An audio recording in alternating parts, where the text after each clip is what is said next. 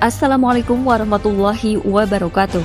Sahabat, Anda saat ini sedang mendengarkan akun podcast Narasi Pos Media bersama saya, Maya Rohmah, dalam rubrik Surat Membaca. Kemiskinan Ekstrem dan Kapitalisme oleh Mutia Syarif, kontributor narasipos.com.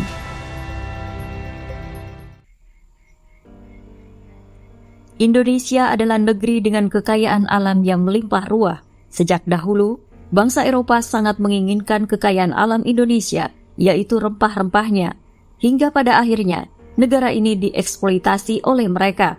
Bukan hanya masa penjajahan Belanda saja, negeri ini dijajah. Sejatinya, negeri ini masih dalam kungkungan penjajahan. Neo-imperialisme masih menjengkram negeri kita tercinta. Namun, banyak masyarakat yang tidak menyadari hal ini. Impitan ekonomi membuat masyarakat sibuk untuk memenuhi kebutuhan hidupnya. Alih-alih memikirkan cara membebaskan kondisi negara yang sedang terjajah ini, masyarakat disibukkan dengan pemenuhan hidupnya. Pemerintah laksana orang tua yang tidak lagi memedulikan anaknya. Masyarakat dibiarkan berjuang sendirian untuk mencari segala kebutuhannya. Di era ini, kesulitan semakin terasa di berbagai lini. Sudahlah mencari pekerjaan sulit, harga kebutuhan primer naik, rakyat semakin tercekik. Ditambah lagi, biaya pendidikan dan kesehatan yang juga ikut melambung. Rakyat serba salah, tak boleh sakit karena biaya rumah sakit mahal.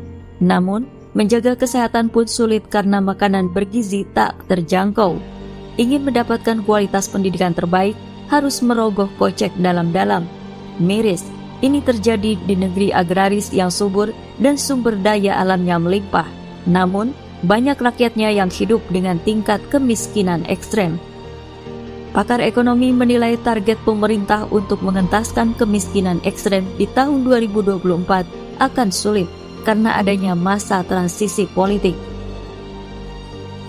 Bima Yudhistira, Direktur Center of Economic Law Studies Selios, berpendapat bahwa kemiskinan ekstrem sulit ditekan karena masalah ini bersifat struktural seperti akses kesehatan dan pendidikan.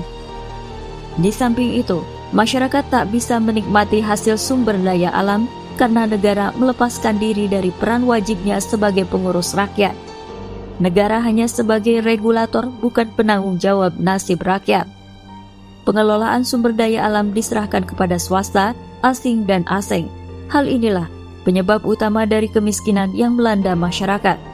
Kemiskinan merupakan salah satu konsekuensi dari diterapkannya sistem kapitalisme. Bukan hanya itu, dalam sistem kapitalisme, para penguasa lebih berpihak pada pengusaha.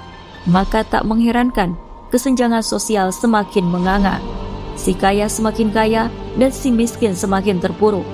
Karena dalam hal mendasar saja, yaitu pengelolaan sumber daya alam, negara berlepas diri. Inilah gambaran kapitalisme di mana penguasa dan pengusaha sebagai penentu kebijakan. Tentunya setiap kebaikan akan disesuaikan dengan kepentingan mereka, maka rakyat sebagai pihak luar akan dianaktirikan. Islam bukan sekadar agama ritual. Dalam Islam terdapat seperangkat aturan kehidupan, maka itulah Islam disebut sebagai sebuah sistem.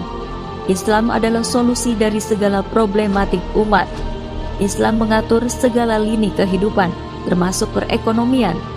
Jurang kesenjangan sosial yang semakin dalam tak lain disebabkan karena pemerintah lepas tangan dalam mengurus rakyatnya. Sistem Islam mewajibkan negara untuk mengelola sumber daya alam secara mandiri.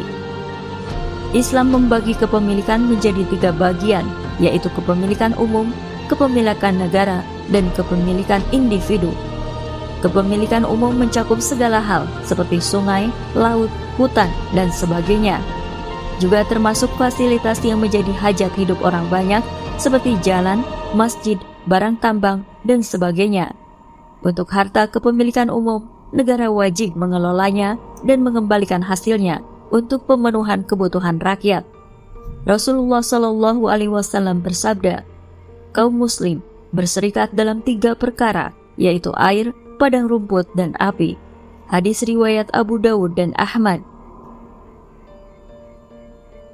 Kepemilikan negara yakni harta yang pengelolaannya berada di tangan kepala negara seperti fai, kharaj, jizyah, dan sebagainya. Adapun kepemilikan individu yaitu harta milik pribadi selain harta milik umum. Kesejahteraan dalam Islam dipandang per individu, bukan hasil rata-rata. Kepala negara dalam sistem Islam wajib memastikan setiap rakyatnya terpenuhi kebutuhan pokoknya negara wajib menjamin setiap individu rakyatnya dalam hal kesehatan, pendidikan, dan keamanan. Karena ketiga hal tersebut merupakan pelayanan umum dan kemaslahatan hidup terpenting bagi rakyat. Hal ini hanya mampu terwujud dalam sebuah sistem mumpuni pengemban syariah Islam secara kafah, yakni khilafah. Sudah saatnya masyarakat menyadari sepenuhnya akan kerusakan yang disebabkan oleh sistem kapitalisme dan segera beralih fokus untuk turut memperjuangkan tegaknya sistem agung yang akan menerapkan syariat Islam secara kafah, yaitu khilafah ala min hajin nubuwah. Wallahu a'lam bisawab.